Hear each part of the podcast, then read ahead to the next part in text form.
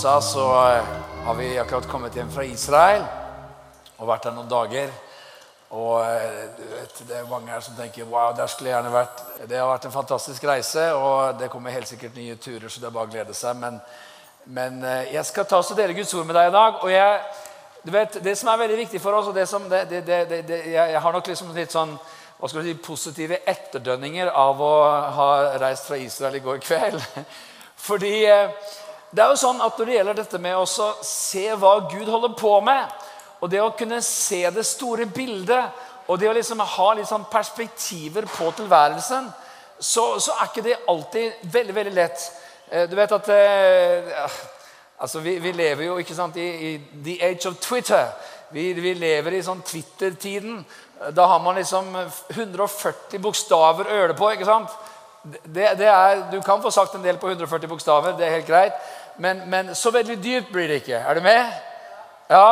Eh, og, og, det som er interessant også med nyhetsbildet vårt, så er det sånn at det, det, liksom, det skal skje fortere og fortere og fortere. Og fortere, og sånn er det liksom egentlig med det meste. ikke sant? Du, har, du, har, du liksom, har, du, sett en eller annen sånn film fra 1968 noen gang? Og liksom, bare tenkt Hallo, liksom. Du kan jo liksom gå og sette på kaffen mellom scenene. ikke sant? Det er bare It takes forever. vet du hva jeg mener? Det er liksom bare altså alt er liksom, det var, det var, jo kjempefint den gangen sikkert. En sånn kjempefin film fra 1968 eller 58, enda verre. ikke sant? Altså, det, det, det, skjer liksom ingenting. Det beveger seg utrolig sakte. Er, vet du hva jeg mener for noe? Ah, ok, Kanskje ingen som har sett film fra 1968. Ok, så det, det var forklaringen. Men greia er at det går liksom, hvis du bare kontrasterer det med at så ser du en film fra nå, så er det liksom bong, bong, bong, bong, bong. Det, det, det går så fort, det skifter så fort, det er så fort det sceneskifter. Det skal, det skal liksom bevege seg fort, alt sammen. Eh, og litt sånn, I forhold til nyhetsformidlingen også, så er det sånn at det er liksom, liksom, ikke sånn at du alltid får sett inn i dybden av tilværelsen med, med noen sånne korte greier og sånn Hva føler du nå? Hva tenker du nå? Eh, og litt sånn når det gjelder Bibelen og når det gjelder Guds ord, eh, så er det klart at av og til så må vi liksom kunne se disse store tingene. For av og til når vi tar og preker Guds ord, så tenker vi liksom på at eh, ok, eh, i dag skal vi snakke om liksom hvordan du kan bli helbredet. Det er kjempeviktig. Eller vi kan snakke om hvordan du kan bli ledet av Den hellige ånd. Det er råviktig. Eller vi kan snakke om hvordan du kan vitne og få Jesus på jobben din. Det er superviktig. Mens av og til så trenger man også liksom bare å zoome litt ut. Aha. Er du med? Zoome litt ut for å se litt sånn her store bilde Ok, Og jeg er så glad for at jeg taler til en sånn veldig våken forsamling. Ja, det er veldig bra. Halleluja. Så da kan du starte med meg i eh, Starte med meg? Da, kan du, da starter vi i hvert fall. I Første Mosebok kapittel 14. Og eh, jeg skal nok eh, For at vi liksom skulle kunne få litt av dette store bildet her, så, så, skal jeg nok kanskje gjenfortelle eh, en hel del. Jeg skal nok ikke ta og slå opp alle vers av alt det som jeg har på hjertet i dag. Men jeg skal starte med å lese et vers om en ganske mystisk person som kalles for Melkisedek. Og vi leser om han i 1. Mosebok kapittel 14 og vers 18. Dette er bakteppet. Vi vet jo at det hele begynte, i hvert fall veldig mye begynte med en som het Abraham. Og Abraham han blir kalt av Gud til å gå inn i et helt nytt område som han aldri har vært før. Han er lydig mot Gud, han går ut. Og Der skjer det mange ting som vi ikke rekker å si så fryktelig mye om nå. Men han har bl.a. med seg en litt sånn treg nevø som heter Lot. Eh, er det noen som har hørt om Lot? Altså, Lot, kom igjen, og Lot bli med, og Lot kom igjen. Lot, Lot var litt sånn treg. Eh, og eh, Abraham han var en troens mann. Og, og Lot han liksom får valget, for de har så veldig mye budskap og greier. Og Abraham sier, 'Lot, nå står vi og ser på utsikten her. Du velger først.' Lot ser et fantastisk område utover utover Jordansletten og litt forskjellig sånt. Nå har vi altså vært på Israelstur her. Det skinner igjennom. Og eh, Eh, og Lot velger det. Det var bare liksom noen bieffekter. Det var et par byer på sletta som ikke var så veldig bra. En het Sodoma, en het Gomorra. Det var ikke sånt veldig ålreit nabolag, egentlig. Men eh, ok, det som skjer der, det er at eh, det blir mye kriger og mye forskjellige sånne ting.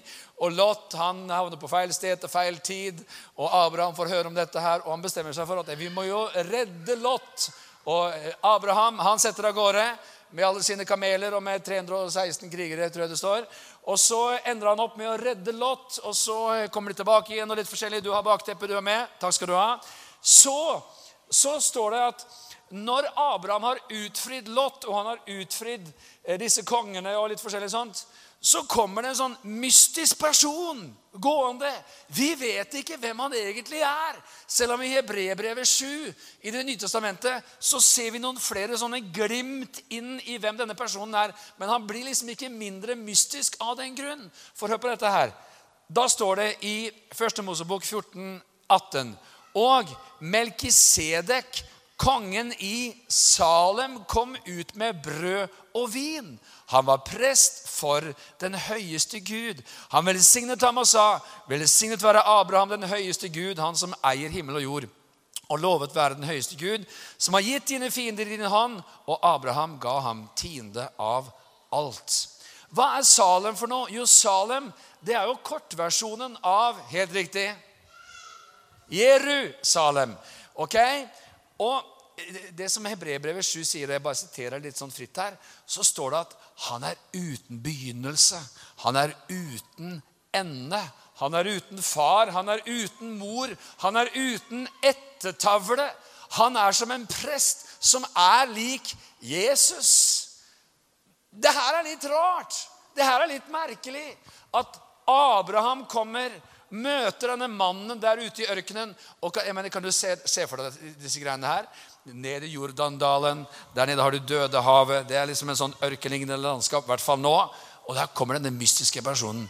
Melkisedek, prest fra Salem. Jerusalem er egentlig kortversjonen der. Og Abraham møter ham, og eh, han kalles for prest for den høyeste Gud. Og Bibelen taler om at han er et forbilde for Jesus Kristus, som er prest for den høyeste Gud, og som kommer til oss med brød og vin osv.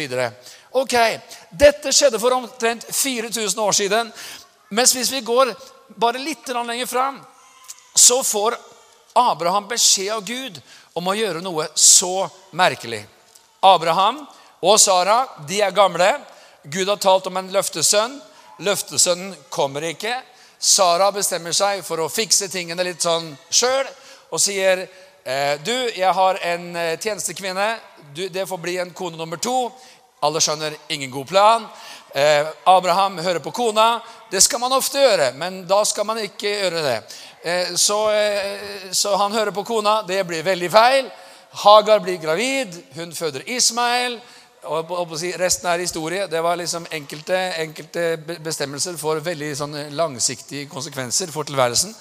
Men det som skjer videre, det er at mot alle odds så får da senere Isak, Isak blir født, sønnen Sara, som Abraham og Abraham får. Og når han da har fått denne sønnen Wow, fantastisk! Hvilket etterlengtet løfte! Jeg har fått den sønnen jeg har lengtet etter, og som Gud har talt om profetisk. Så ber Abraham om å gjøre noe så merkelig. Og vi leser om det i første Mosebok kapittel 22. Overskriften i min bibel er 'Gud setter Abraham på prøve'. Bare som parentes gjør Gud sånt?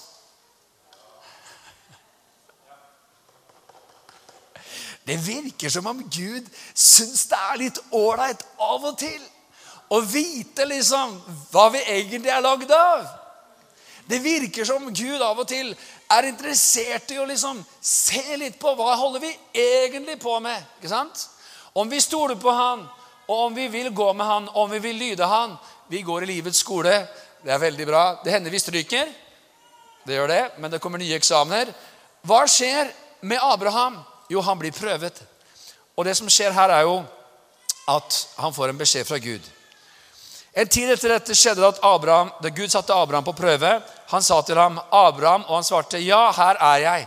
Da sa han, 'Ta nå din sønn, din eneste, han som du har så kjær, Isak, dra til Morialandet og ofre ham der som brennoffer på et av fjellene som jeg skal si deg.' Og Så kommer dette merkelige avsnittet om hvordan Abraham reiser av sted. De samler inn, de gjør seg klar til å ofre. Og så leser vi da videre i eh, skal vi se i vers 7. Da tok Isak til orde og sa til sin far Abraham, 'Du, far', og han sa, Ja, gutten min, han sa. Her er ilden og veden, men hvor er lammet til brennofferet? Abraham svarte, Gud vil selv se seg ut lammet til brennofferet, min sønn. Så gikk de videre sammen, de to. Eh, og Så ser vi videre at Abraham bygger alteret. Eh, og så, så tar rett og slett Abraham og drar opp kniven og står klar for å ofre sin sønn. Da roper Herrens engel til ham i vers 11 fra himmelen og sa til ham, Abraham, Abraham. Og han svarte, ja, her er jeg. Da sa han, legg ikke hånd på gutten og gjør ham ikke noe, for nå vet jeg at du frykter Gud, siden du ikke har spart din sønn, din eneste, for meg. Han sparte altså da ikke sin eneste sønn, og så sørger Gud for et annet offer. Og så ser vi i vers 14, og Abraham kalte dette stedet Herren ser. Derfor blir det sagt den dag i dag. På Herrens berg skal han la seg se. Herrens engel ropte så for andre gang til Abraham fra himmelen, og han sa, 'Jeg sverger ved meg selv', sier Herren, 'fordi du gjorde dette og ikke sparte din sønn, din eneste sønn, så vil jeg storlig velsigne deg og gjøre din ett så tallrik som stjernene på himmelen og som sand på havets strand. Din ett skal ta sine fienders porter i eie, og i din ett skal alle jordens folk velsignes, fordi du adlød mitt ord. Dette er jo kjempedramatisk. Hvor er vi nå? Jo, vi er på et sted som kalles for Morialandet. Hvor er Morialandet? Jo, dette Moriafjellet det ligger ganske sånn rett bak det området som siden skulle bli Davids by, eller Jerusalem, hovedstaden i Israel. Den, det fjellet der nå kjenner nesten hele verden til uten å egentlig vite om det. For 1000 år etter det her, omtrent for 3000 år siden, så skulle David bygge fjellet, eh, bygge tempelet det, vil si det var Salomo som endte opp med å bygge det. Men hvor skulle det bygges? Jo, Vi leser i kongebøkene at det skulle bygges på Moriafjellet. Det samme sted som Abraham hadde fått beskjed om at han skulle ofre Isak. Ok? Eh, og hvor er det? Jo, det er midt i Jerusalem akkurat nå. Det er det som kalles for Tempelplassen. Har du sett noen sånne reportasjer fra Jerusalem i det siste, så ser man sannsynligvis midt i bildet en klippemoské som er liksom en sånn golden dome osv. som man ser der sånn. Og hvor er det hen? Jo, det er akkurat der hvor tempelet sto i riktig gamle dager. Der hvor tempelet ble bygget for 3000 år siden. Vi skal komme litt tilbake til det. Men hva er det som skjer her for noe? Jo, David får altså 1000 år etter at Abraham har vært nær ved å ofre sin eneste sønn, Isak, på dette fjellet. Så får David beskjed om at det er Salomos, sønnen hans, som skal bygge tempelet på dette stedet. Og nå vil jeg at du skal gå med meg i første kongebok, kapittel 8. Skal vi se her. Første kongebok og det åttende kapittel. Nå tar vi litt sånn 1000 år av gangen her. Vi hopper litt. sånn, eh, Vi har vært på 4000 år før Kristus. Nå er vi på 3000 år før Kristus. Vi kommer snart til 2000 år, 2000 år siden. Men i første kongebok, kapittel 8, så leser vi om innvielsen av tempelet. Eh, nå hadde jo Guds nærvær fortsatt vært med Israel, og det hadde vært i et tabernakel osv. Men i første kongebok 8 så leser vi da i vers 10. Så skjedde det da at prestene gikk ut av helligdommen. Da fylte skyen Herrens hus. Prestene kunne ikke bli stående og gjøre tjeneste pga. skyen, for Herrens herlighet fylte Herrens hus. Og Så kommer et veldig sånn spesielt avsnitt hvor hvor I vers 20 så sier Salomot, 'Jeg har bygd huset for Herrens Israels navn.' 'Der har jeg gjort i sannhet rom for arken, og i denne Herrens pakt.' 'Den pakt som han sluttet med våre fedre da han førte dem ut av landet Egypt.' Osv. Ok. Det er noe veldig spesielt med dette stedet her. Hvorfor det? Jo, for det er liksom stedet hvor Gud selv bor. Gud har kommet med sitt nærvær, og han har bestemt seg for å ta bolig med sin ånd på et fysisk sted. Det er egentlig ganske spesielt å tenke på. Men hva er det som skjer? Jo, eh, man skulle jo tro at israelsfolket da tenkte Wow! Vi er velsignet. Vi har det fantastisk. Guds nærvær er her. Guds herlighet er her. Tempeltjenesten er her. Wow, wow, wow! Vi er jordens mest privilegerte. Kan du tenke deg? Det er jo bare én ting vi kan gjøre. Det er å gi hele vårt hjerte og hele vår sjel og alt vi er, og prise Herren av all vår kraft. Det skulle vært logisk, ikke sant? Men så var det bare det at liksom, det var jo så mange andre guder som var så spennende. Det var så mange andre guder som også var så interessante. Og Salomo, vet du, denne mannen som var den viseste av alle Kan du tenke deg at det går an å være så vis og så klok og gjøre så mye dumt? Det gir jo håp til noen av oss, sånn egentlig. Jeg mener, Det er ganske utrolig. altså. For han kalles for den viseste av alle. Og noen har sagt det sånn som det her. Det er ikke hvordan du begynner i livet, det er hvordan du slutter, som virkelig gjelder. For Salomo han begynte så bra, men han sluttet veldig dårlig. Og han hadde fått påbud fra, fra, fra Israels gud om at det var en hel del ting han ikke skulle gjøre. Og en av de, de tingene det var at han ikke skulle eh, gifte seg med, med kvinner som hadde fremmede religioner. Og det gjorde han det, det, det, gjorde han en masse, kan du si. Han fikk 1000 koner. Vet, alle skjønner jo at det ble problematisk. altså 700 koner pluss 300 medhustrer. Altså de, de, fleste ektepar har mer enn nok med at det er én kone, og, og kona har at det er én mann. og det, det, er liksom at man skal leve harmonisk og fredfullt og i kjærlighet og tilgi hverandre. og sånt, og det, det, det er jo et livsprosjekt for to. ikke sant? Jeg men kan du tenke deg hvilket kaos? altså. Tusen koner Det måtte bli galt. Det måtte gå galt av sted. Det, det, det. Kjære venn, dette burde Salomo tenkt. altså, Etter kone nummer 13, liksom. Så ble det kone nummer 130, så ble det kone nummer 300, så ble det 1000 koner og medhustrer. Not good! Ja, ok. Så det som skjer, det er at ikke bare får de frihet til å begynne å dyrke sine egne guder, men han begynner også å dyrke disse gudene. Og det er en tragedie vet du, når du liksom går rundt omkring i Jerusalem. Så er det akkurat som du bare går i et slags sånt, sånn kulisser ikke sant? hvor man har sett det herligste av det herligste og det, av det sterkeste av det sterkeste. En sånn herlighet, en sånn kraft, en sånn nærvær av Gud. Og vet du hva? Midt i det så kan man forlate Gud. Midt i det så kan man komme bort ifra Herren. Det er helt utrolig. Det er helt gåtefullt. Hæ? Jeg mener, Tenk at den samme gjengen da, som har opplevd liksom at Herren bare splitter hele Rødehavet, og boang, der går de gjennom. De har liksom opplevd alle disse miraklene eh, som, som, Gud gjorde i Egypt. ikke sant? Alle plagene. Og så liksom Jeg begynner å bli rimelig lei av manna, jeg nå. altså. Sant? Hallo! Og så går de rundt der og klager. vet du. Ah, 'Moses, er det bare du som er fra Gud?' Eh, altså, De så sånne mirakler som ingen andre så. Og allikevel så begynte deres hjerte å vende seg tilbake til Egypt. Og til slutt så er det en fyr som heter Kora, som sier, 'Du har tatt oss ut av landet som flyter med melk og honning.' Da er det snudd opp ned. altså. Det var liksom ikke man, man, man, Det heter seg på norsk at det er ingen røyk uten ild. Jo, det var faktisk en, en sånn situasjon hvor det fantes ikke et eneste belegg for noe som helst i det som Kora sa. Men det hadde skjedd noe i hans indre, det hadde skjedd i noe i hans hjerte, som gjorde at han ble dratt i en annen retning. Og så kjenner Vi jo, vi har ikke tid til å ta hele historien her, men vi vet at Israel blir delt. Et Nordrike, et Sørrike. I nord var det bare ugudelighet og ugudelige konger. I sør var det liksom eh, noen som var bra, og noen som var dårlige. Men, og Det er liksom en sånn historie av opp- og nedturer. Av fornyelse, frafall, fornyelse, frafall, fornyelse, frafall. Men til slutt så går det så Det, det blir så ekstremt at de, de, de setter opp avgudsdyrkelsesstatuer inne i tempelbygningen, der hvor Guds herlighet skulle bo. Og rett utenfor Jerusalem så fins det en dal som heter Hinnoms dal.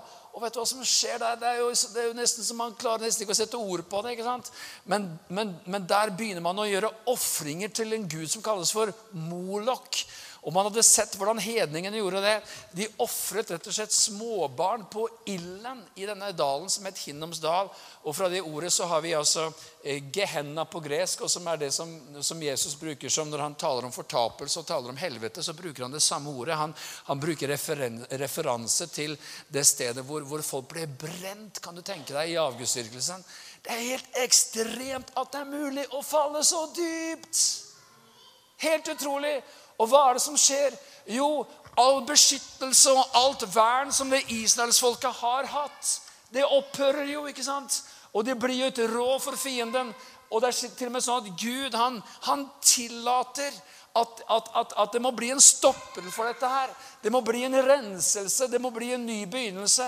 Det er sunket så dypt at det ikke lenger finnes håp for at den samme gjengen kan klare å snu dette her. Så Derfor så reiser han opp sånne profeter som Jeremia, og som får en ganske spesiell oppgave. ass. Jeg mener, han, han, han, Hans budskap til Jerusalem det var Ok, nå kommer babylonerne. De kommer til å innta byen. Og da skal dere ikke stå imot dem. Dere skal bli med dem. Han ble jo kalt for landsforræder. Han ble kastet i en brønn. Han, han, han, han, er ganske frustrert i tider. Altså. Du kan lese Jeremias bok. Han sier, 'Nå har jeg gått her i 23 år og talt det samme budskapet, og ingen har hørt på meg.' Det kan jo være frustrerende for en predikant. kan du tenke deg. Jeg mener en uke eller tre eller fem. 23 år uten at noen ville høre, kan du tenke deg. Og så skjer det 586 år før Kristus at tempelet rives ned. Jerusalem ligger i grus. Israelsfolket føres bort i fangenskap. Og Så kommer de til Babylon, og så er de der i 70 år før de får komme tilbake igjen. Og så leser vi i, i eh, blant annet i Haggais bok ikke sant? hvordan når de kommer tilbake til eh, Jerusalem etter 70 års fangenskap. Og det er bare noen få som kommer tilbake. Det er bare noen få tusen. Det er en liten, liten rest igjen av det her folket som hadde opplevd Guds herlighet og Guds kraft og, og, og Guds forsørgelse osv. Men, men, men midt i det her så har Jeremia profetert at her kommer det igjen til å høres lyd av brud og brudgom og dans og sang i gaten. Og, og, og, han taler ut disse profetiske ordene når hele Jerusalem ligger i ruiner. Det er bare sånn interessant parentes innimellom her også. fordi av og til så er det sånn at når man får profetiske ord fra Herren, så er det ikke sikkert at det fins en eneste ting i omgivelsene som synes som det fins noen referansepunkt i forhold til det som profetien sier. Ikke sant?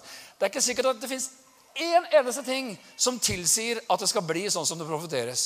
I det hele tatt. Sånn er Gud. Her står Jeremia liksom midt i ruinhaugen. Ja, her skal det igjen bli brud og brudgomme. Her skal det igjen bygges. og her skal det igjen. Ok, Jeremiah. Mm -hmm. Men det første han sa, gikk i oppfyllelse. Og det andre han sa, kom til å bli oppfyllelse også. Og Vi leser f.eks. i slutten av Nehemjas bok hvordan eh, tempelet innvies. og og hvordan det var noen få til stede som var så gamle at de hadde sett det gamle tempelet. Og det står at lyden av de som gledet seg og frydet seg, blandet seg med lyden av de som gråt, fordi at det her nye tempelet var liksom egentlig ingenting i forhold til det de hadde sett som Salomo hadde bygget. Okay? Og Hva er det som skjer i dette tempelet for noe? Jo, det er spesielt to ting. Det er ofringer. Man ofrer dyr. Og dette er ofringer som er, er substitutter, altså som, som skal, skal, skal, betale for de syndere man har begått. egentlig. Det er brennoffer, og det er ulike offer man kan se beskrevet. Mens når David fornyer denne tempeltjenesten, så er det en annen ting som kommer inn i tempelet også. Det er lovsanger. Hele tiden. Lovsanger. Tilbedelse. Og det er fantastisk. vet du, Han, han ansatte jo eh, var 4000 tilbedere som skulle bare gjøre Musikere som bare skulle spille, og som skulle liksom være på fulltid i tempelet. Det er jo ganske herlig. altså. Vi er ikke der helt ennå, men uh, glory. Det, det, var, det, var, det, var, lovsang dag og natt. Les gjennom krønikebokene og se hvordan det Det var lovsang og lovprisning hver eneste dag og hver eneste natt. Hele døgnet så var det lovsang osv. Så, videre. Så må vi rykke fram enda 1000 år. Ok? Det har tatt et par tusen år på 20 minutter her. Det er bra. Og Da kommer vi til Jesu Kristi inntreden i historien. Og Det som er veldig interessant, det er at når man går til Matteus kapittel 23, så, eh, så ser vi hvordan Jesus snakker sammen med disiplene sine, og hvordan han profeterer. Og Nå har jo da tempelet stått der ikke sant, i mange hundre år. Det er det fullstendige og absolutte sentrum for israelsfolkets gudsdyrkelse. Det er der allting skjer. Det er der ting, alt, alt finner sted. Det er ofringer, det er tilbedelse, det er bønner. Et fantastisk bygg. Det, det er utvidet av Herodes den store. Det er voldsomt praktfullt. Og så kommer Jesus og sier noe helt forunderlig i Matteus 23. og Vi ser i helt slutten av kapittelet der. Vers 37. Jerusalem, Jerusalem, du som slår i hjel profetene og steiner dem som er sendt til deg. Hvor ofte jeg ville samle dine barn som en høne samler kyllingene sine under vingene, men dere ville ikke. Se, huset deres skal bli liggende øde. For jeg sier dere, fra nå av skal dere ikke se meg før dere sier, velsignet være Han som kommer i Herrens navn. Hva er det Jesus sier for noe? Han sier, se det huset her. Det er tempelet. Det skal bli liggende øde. Og i de neste versene i kapittel 24 så, så står det at Jesus forlot tempelet, gikk ut. Da kom disiplene hans for å vise ham tempelbygningene. Men han svarte og sa til dem, ser dere ikke alt dette? Sannelig sier dere, her skal ikke bli stein tilbake på stein som ikke skal brytes ned. Hva er det Jesus sier for noe? Tempelet skal brytes ned igjen. Det kommer til å opphøre å eksistere. Og han sier ikke bare det. Han sier huset deres skal bli liggende øde. Eh, det vet jeg er veldig vanskelig for oss å skjønne. fordi man kan liksom tenke ja, men så dumt at dette vakre bygget ble revet. Liksom. Det ville jo satt litt følelser i sving for oss hvis det var en vakker kirke som skulle liksom bli revet. At eh, ja, men eh, en eller annen profeterer og sier at Nidarosdomen skal rives, liksom, og det, den skal bli liggende nede. Oi, det ville jo vært veldig dumt. altså. Det er en vakker, gammel, gammel bygg. Men du vet, det her er hakket hvassere. Altså. Det er stedet der hvor Gud bor. Det er der hvor Guds herlighet er. Det er der hvor Gud har bestemt seg for å åpenbare seg. Det er der hvor all gudsdyrkelse foregår. Det er liksom sentrum av tilværelsen. Og Jesus sier, 'Her skal det bli ligge øde'. Hva er det som skjer videre for noe? Jo, Vi kjenner historien.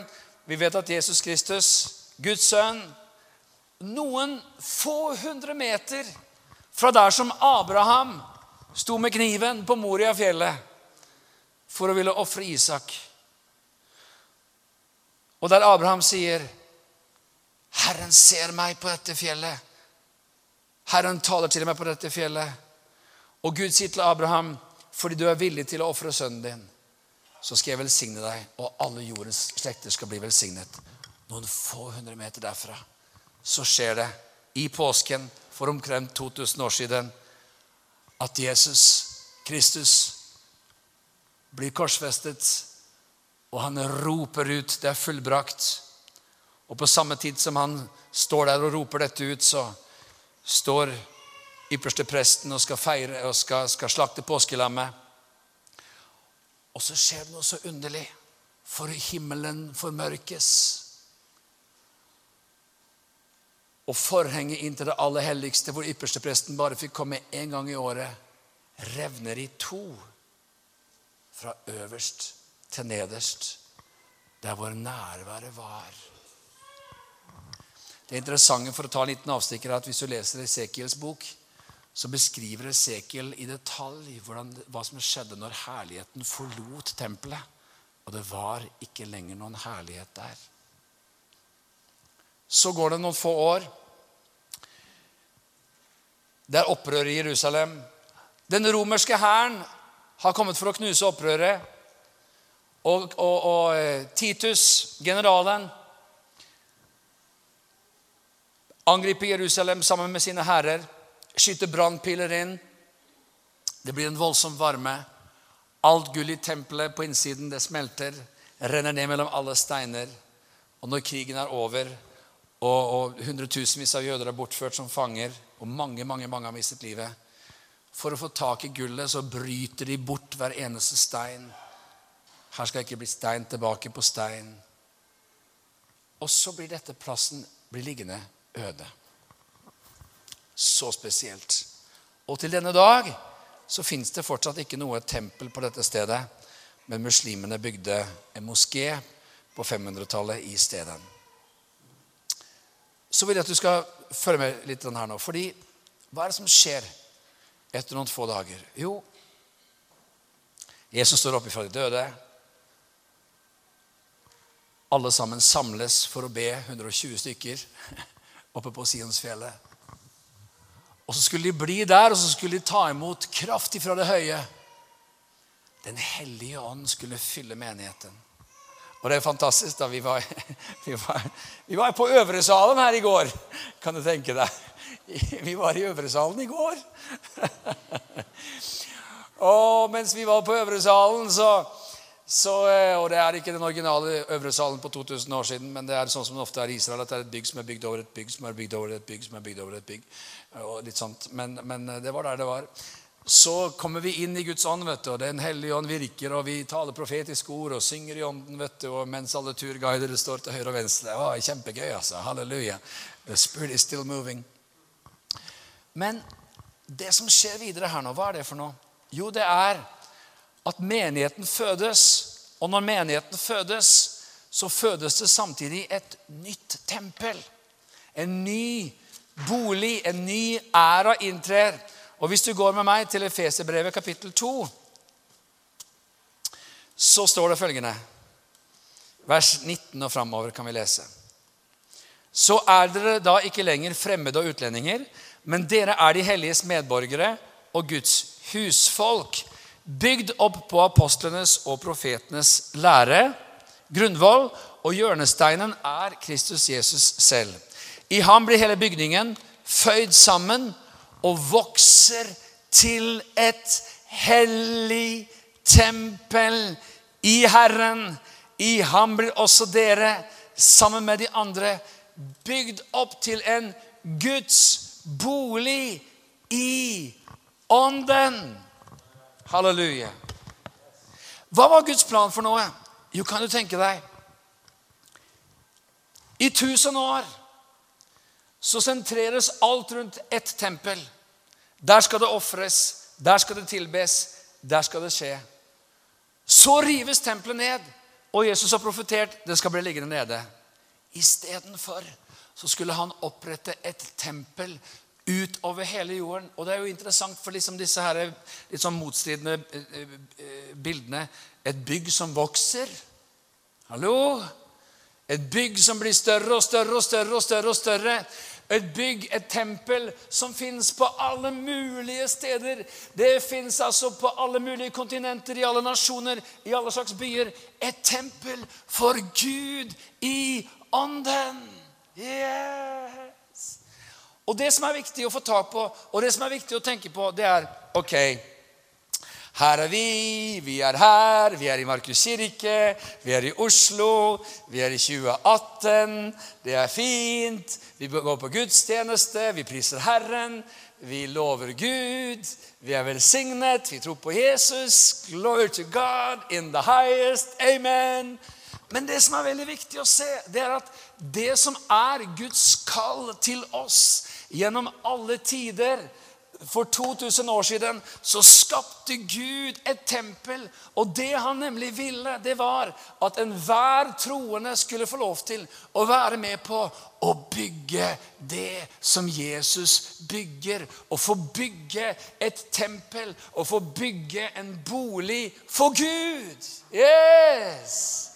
Og Derfor er det sånn at når vi ser inn i dette, så ser vi også noe av det som Gud hadde tanke om skulle skje. La oss se noen vers til. 1. Korinterbrev, kapittel 3.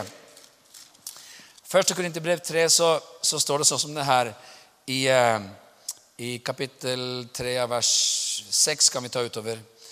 Jeg plantet, Apollos vannet, men Gud ga vekst. Derfor er det ikke noe, verken den som planter eller den som vanner, men bare Gud som gir vekst.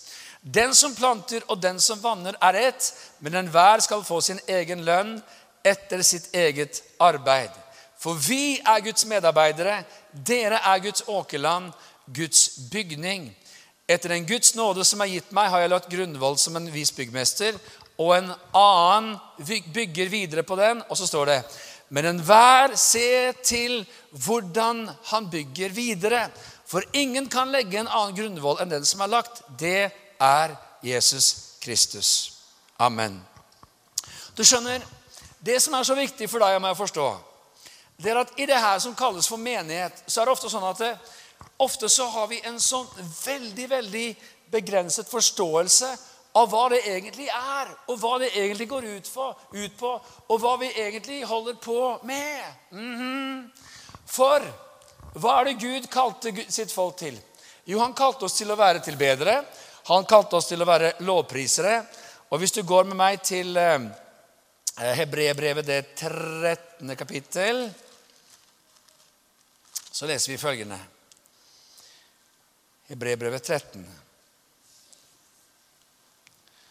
Så er det en egen preken som vi får ta en annen gang om at Gud på ingen måte er ferdig med, med Israel og ferdig med det jødiske folket, selv om eh, tempelet er ødelagt. Han har fortsatt sine planer med det folket, som vi kan lese om i Romerbrevet 9, 10 og 11. Men eh, skal vi se her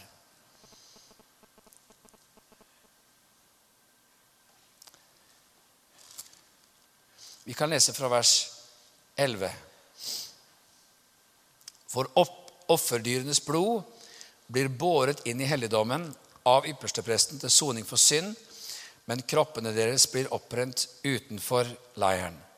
Derfor led også Jesus utenfor porten for å hellige folket ved sitt eget blod.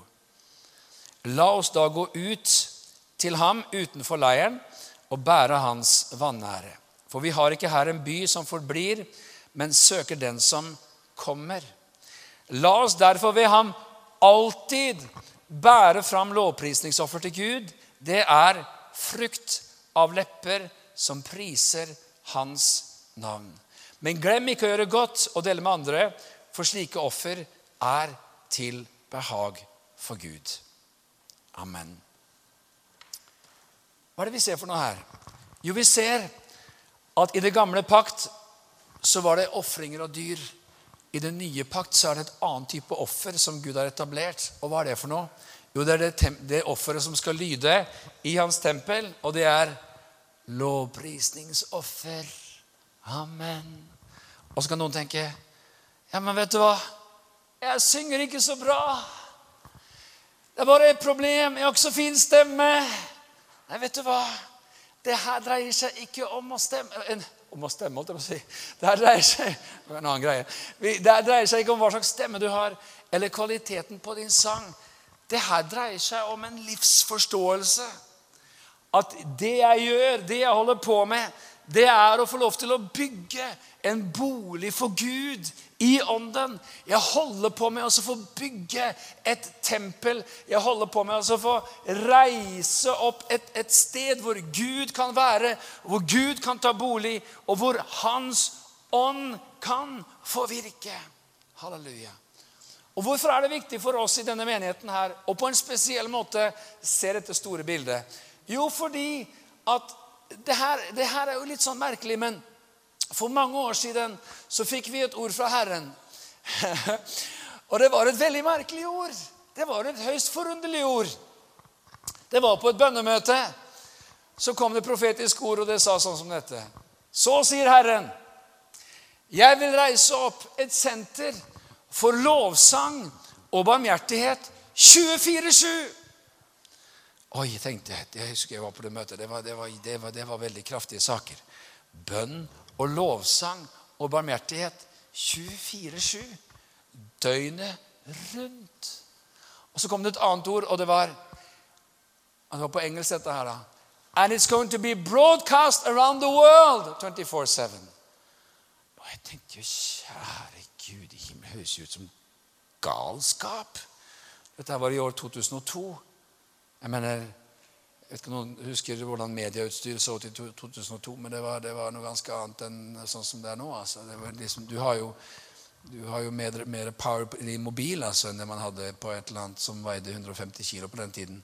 Det var jo, det var jo, det var jo så gåtefullt. Og så var vi I Jesus Church så var vi nomader i mange år. Nomadekirke, dvs. Si at vi leide lokaler hele tiden. Og det var fint. Vi hadde en slags sånn sjette tjenestegave. Eh, og Vidar var sjefen for de.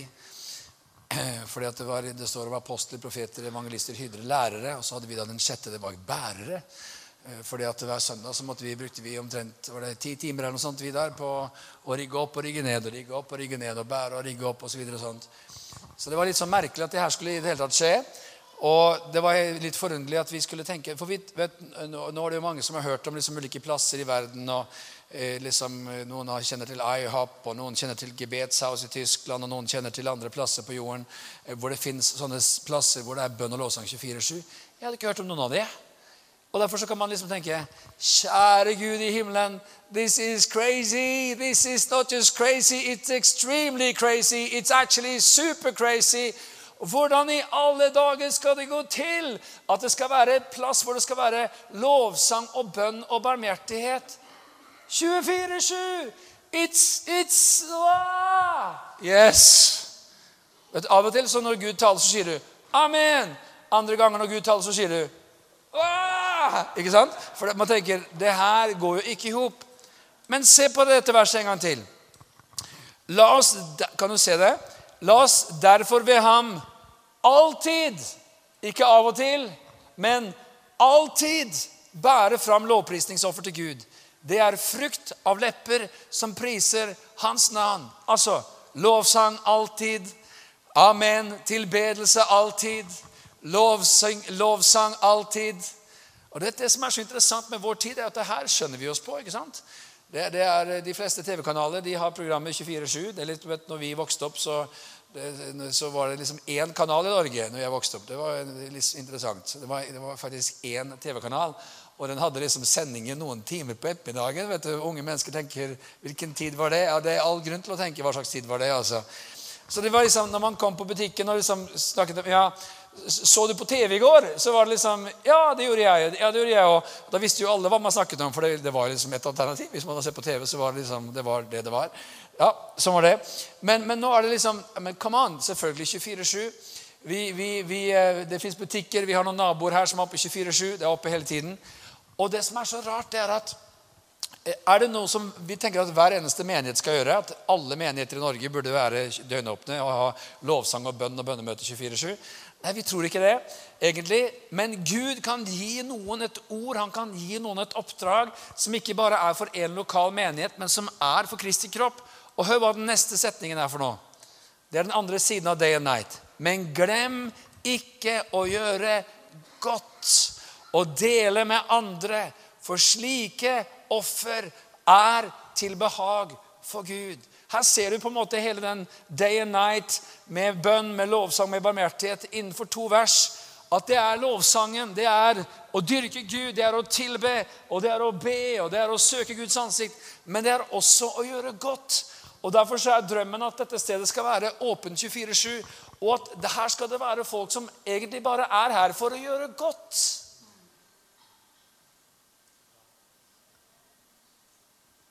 Amen.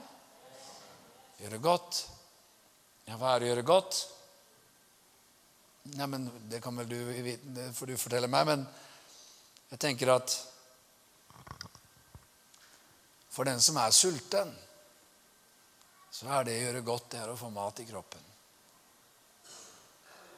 For den som er ensom, så gjør vi godt ved å være sammen med den som er ensom. For den som er full av fortvilelse og angst og håpløshet, så er det å gjøre godt er å komme med håp. For den som er kald, så er det å få oppleve varme. For den som er syk, så er det å få oppleve helbredelse. For den som opplever at livet går i motbakke, så er det at det er noen som løfter og styrker. Og for den som opplever at det skjærer seg igjen og igjen og igjen og igjen og igjen, så er det å gjøre godt det er å få oppleve at det fins nåde og godhet og barmhjertighet igjen og igjen og igjen og enda en gang. Og jeg vil at vi skal se noe av dette perspektivet her, fordi Hva er det vi holder på med for noe? Jo, vet Gud har jo gitt oss et herlig sted. Vi er så glad for kirken her. Markus kirke, den er så nydelig. Og kan du tenke deg altså at det forrige stedet vi var i Jesus Church, eh, så var liksom en av oppgavene det var å liksom eh, feie gulvet på nattklubben liksom før gudstjenesten. Og sørge for at whiskyen ikke lukta så voldsomt der det var sølt ut på gulvet etter gårsdagens party. Eh, og så liksom så gir Gud oss en kirke. En fantastisk, herlig, vakker kirke. Og så kan vi være her og tenke wow, det er fint, det er herlig. Yes, det er det. Her er vi. Det er søndag formiddag. Yes, vi er velsignet. Men hør nå her. Vi er i ferd med å gå inn i et helt nytt kapittel i Jesus Church. Amen. En helt ny epoke som kommer til å egentlig forandre det meste. Oi, forandring, det hørtes skummelt ut. Nei da, det går bra, skjønner du. Du skjønner, nå er det jo sånn at det er folk som ber her på, på, på, på morgenen. Og så er det lovsangskvelder på, kveldene. Det er fantastisk. Vi er så glad for det.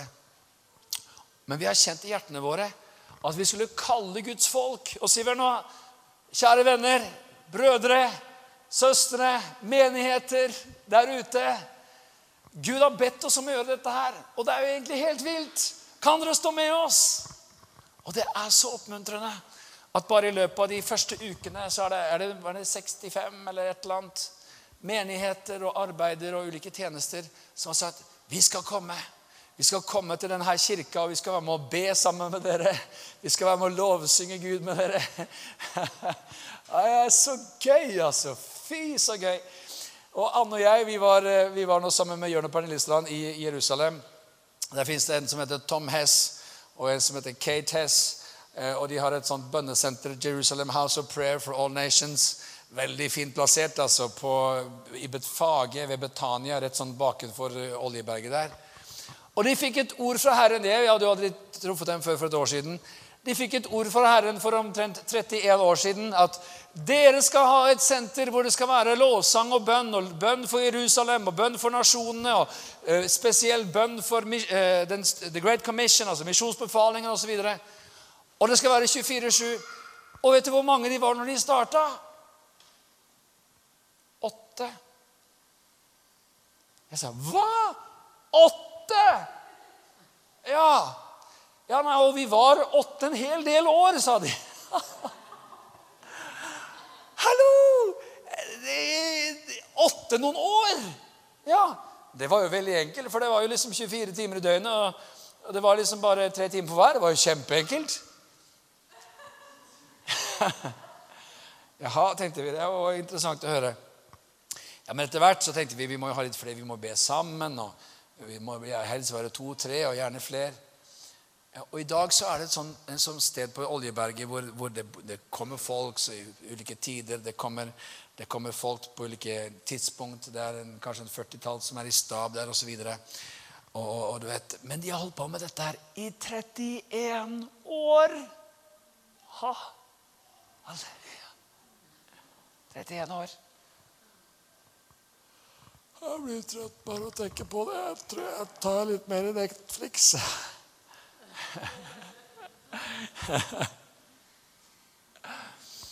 Vet du hva som er herlig?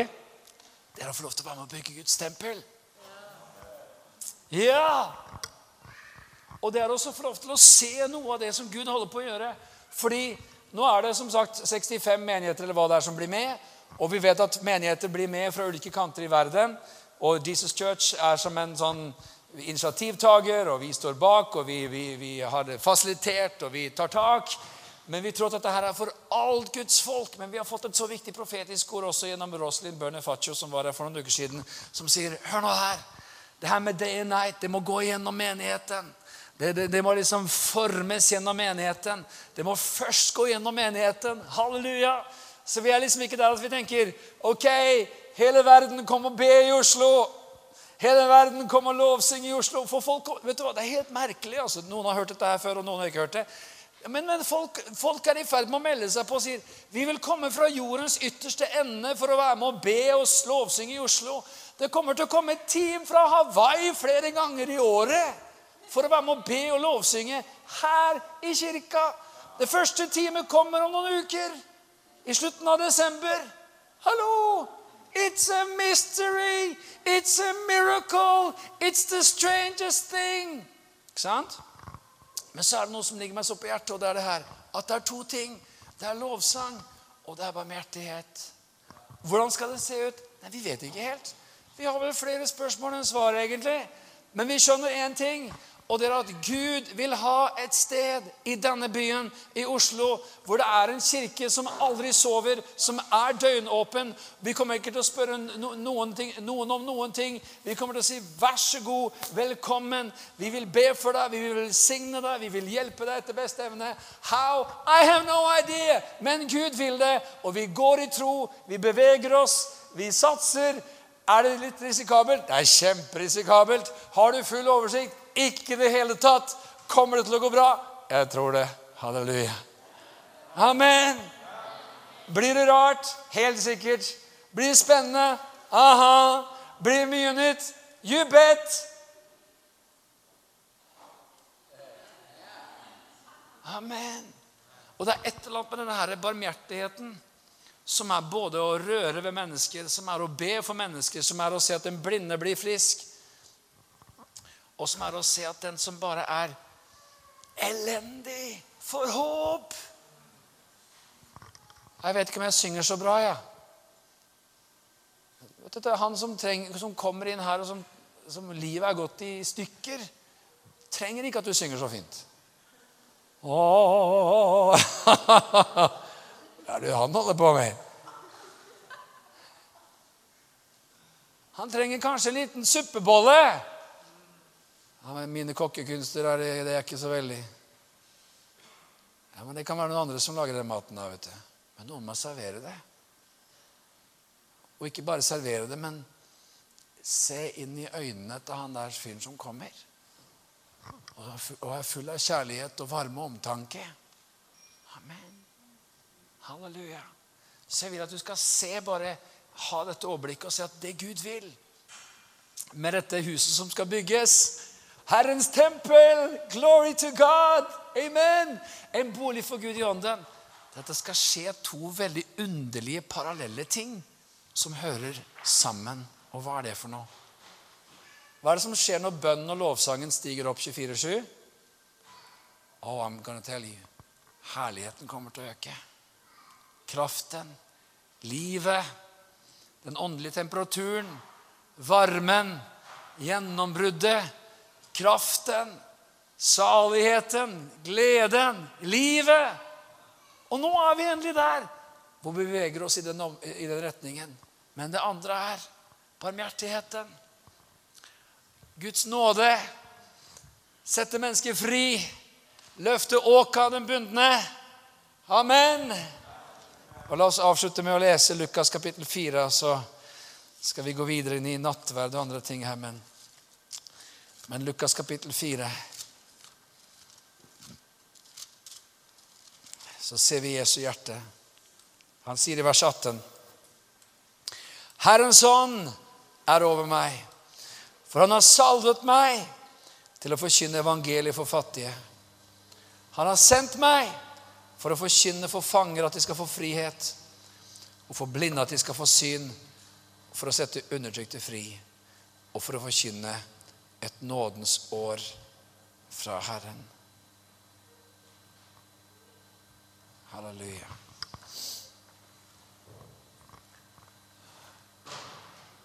Hør her.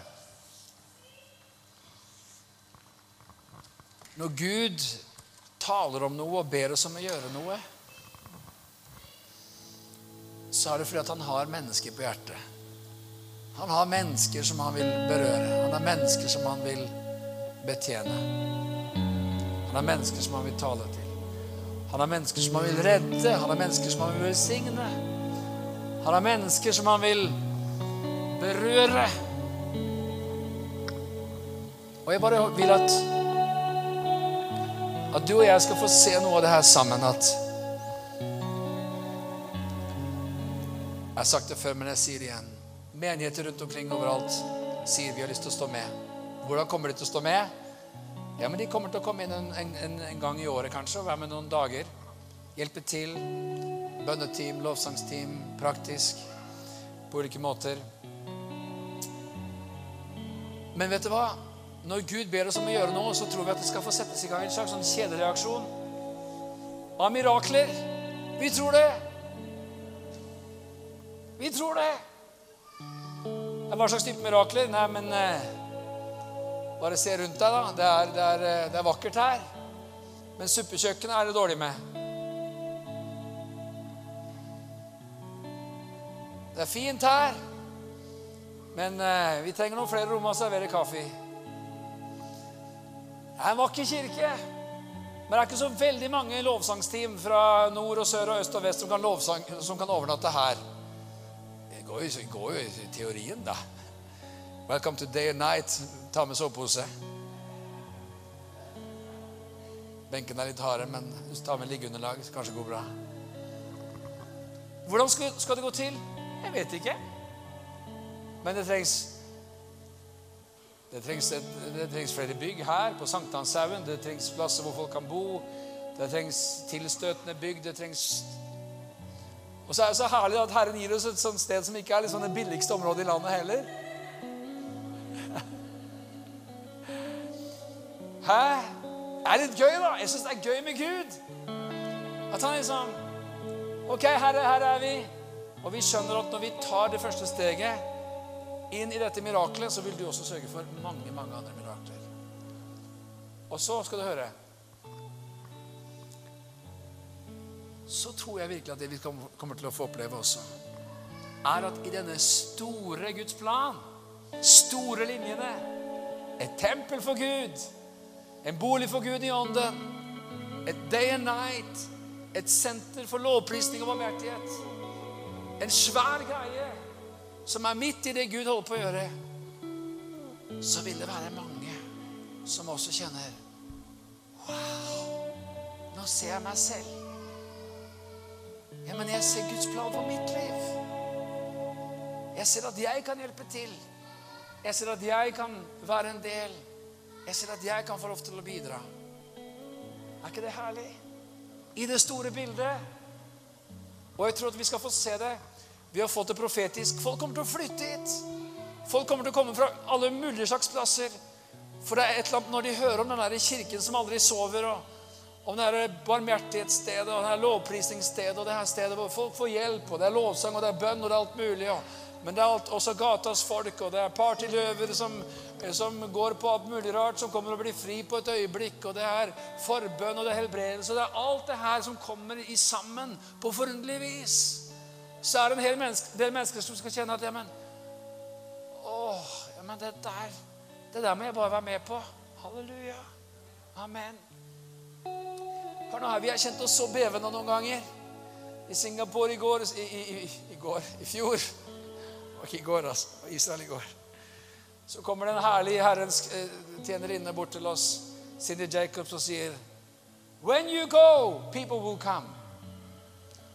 Takk, Jesus. Ja, men Da får vi vel våge å gå, da. Og så får vi tro at folk vil komme. Halleluja. Amen. Så vi kan reise oss opp, alle sammen. Vi tror også at det skal bli et sted for Europa. Et sted for Europa vi tror at team, folk, mennesker skal komme fra ulike kanter av Europa. Vi tror at det henger nøye sammen med gjennombrudd for evangeliet i Europa. Vi tror at det er koblet med misjonsbefalingens oppfyllelse i Europa. Og vi tror at dette her er noe som ligger på Guds hjerte. Så skal vi bare takke Herren sammen. Far i himmelen, vi priser og takker deg. Opp gjennom tidene så har du kalt ditt folk til å ofre Ofre lovsang, ofre takksigelse, ofre tilbedelse. Herre, vi leser gjennom det, vi leser i Bibelen om det, vi, vi ser det gjennom historien.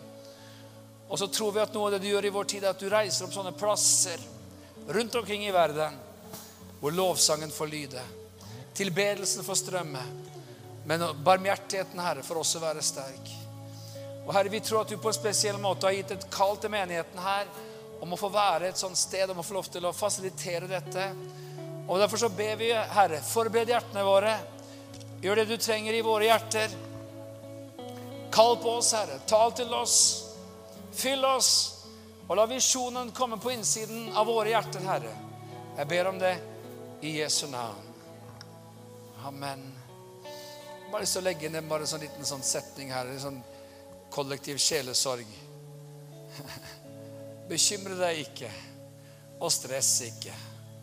Og tenk ikke Å, det her orker ikke jeg bli med på. Sånn 24-7. Tenk om jeg bare får sånn mail i posten, liksom. Du er satt med mail i innboksen.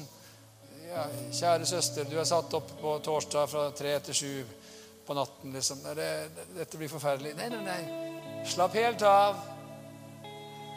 Amen. Fred være med deg. Vi tror at dette skal være et overflodsprosjekt, et overskuddsprosjekt. Det skal være glede. Ingen skal gjøre én time for at liksom, jeg følte jeg måtte. Jeg følte at liksom, det ble forventet av meg. Nei, men det vi har lyst til å si, det er Kom! La oss bygge Herrens hus. Kom, la oss bygge dette tempelet. Broadcaster 24-7. Hvordan skal det gå til, da? Det, det, det, er heldigvis mye nytt i teknikken, altså, men det trengs jo kamerafolk, og det trengs lydfolk, og det trengs jo musikere, og det trengs lovsangere, og det trengs kokker, og det trengs matutdelere og forbedere og praktiske medarbeidere og organisatorer det, det, det, Nesten alt du kan komme på. Det er veldig vanskelig å kunne tenke på noe som ikke kan brukes på det Nei. Jeg tror jeg har til gode å vite det. Sant? Ah. Tenk den dagen vi får kjøpt denne kirka, og det er en i underetasjen her så er det kaffe 24-7. Halleluja. Det er herlig. Amen. Og noen som var glad i kaffen, amen. Halleluja. Amen.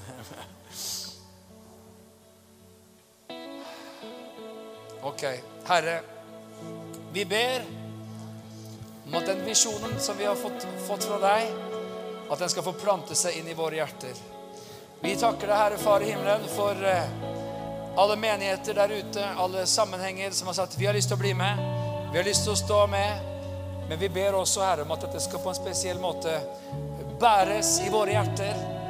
At vi skal få kjenne det går gjennom oss. Og vi ber, Herre, gjør et verk ved din ånd. Reis opp, Herre, forbedre. Reis opp bønnen, Herre, også i våre egne liv. Herre, vi takker deg for at vi er jo templer for Den hellige ånd, alle sammen. Vi priser og takker og ærer deg, Far i himmelen, for at du holder din gode hånd over oss i Jesu navn.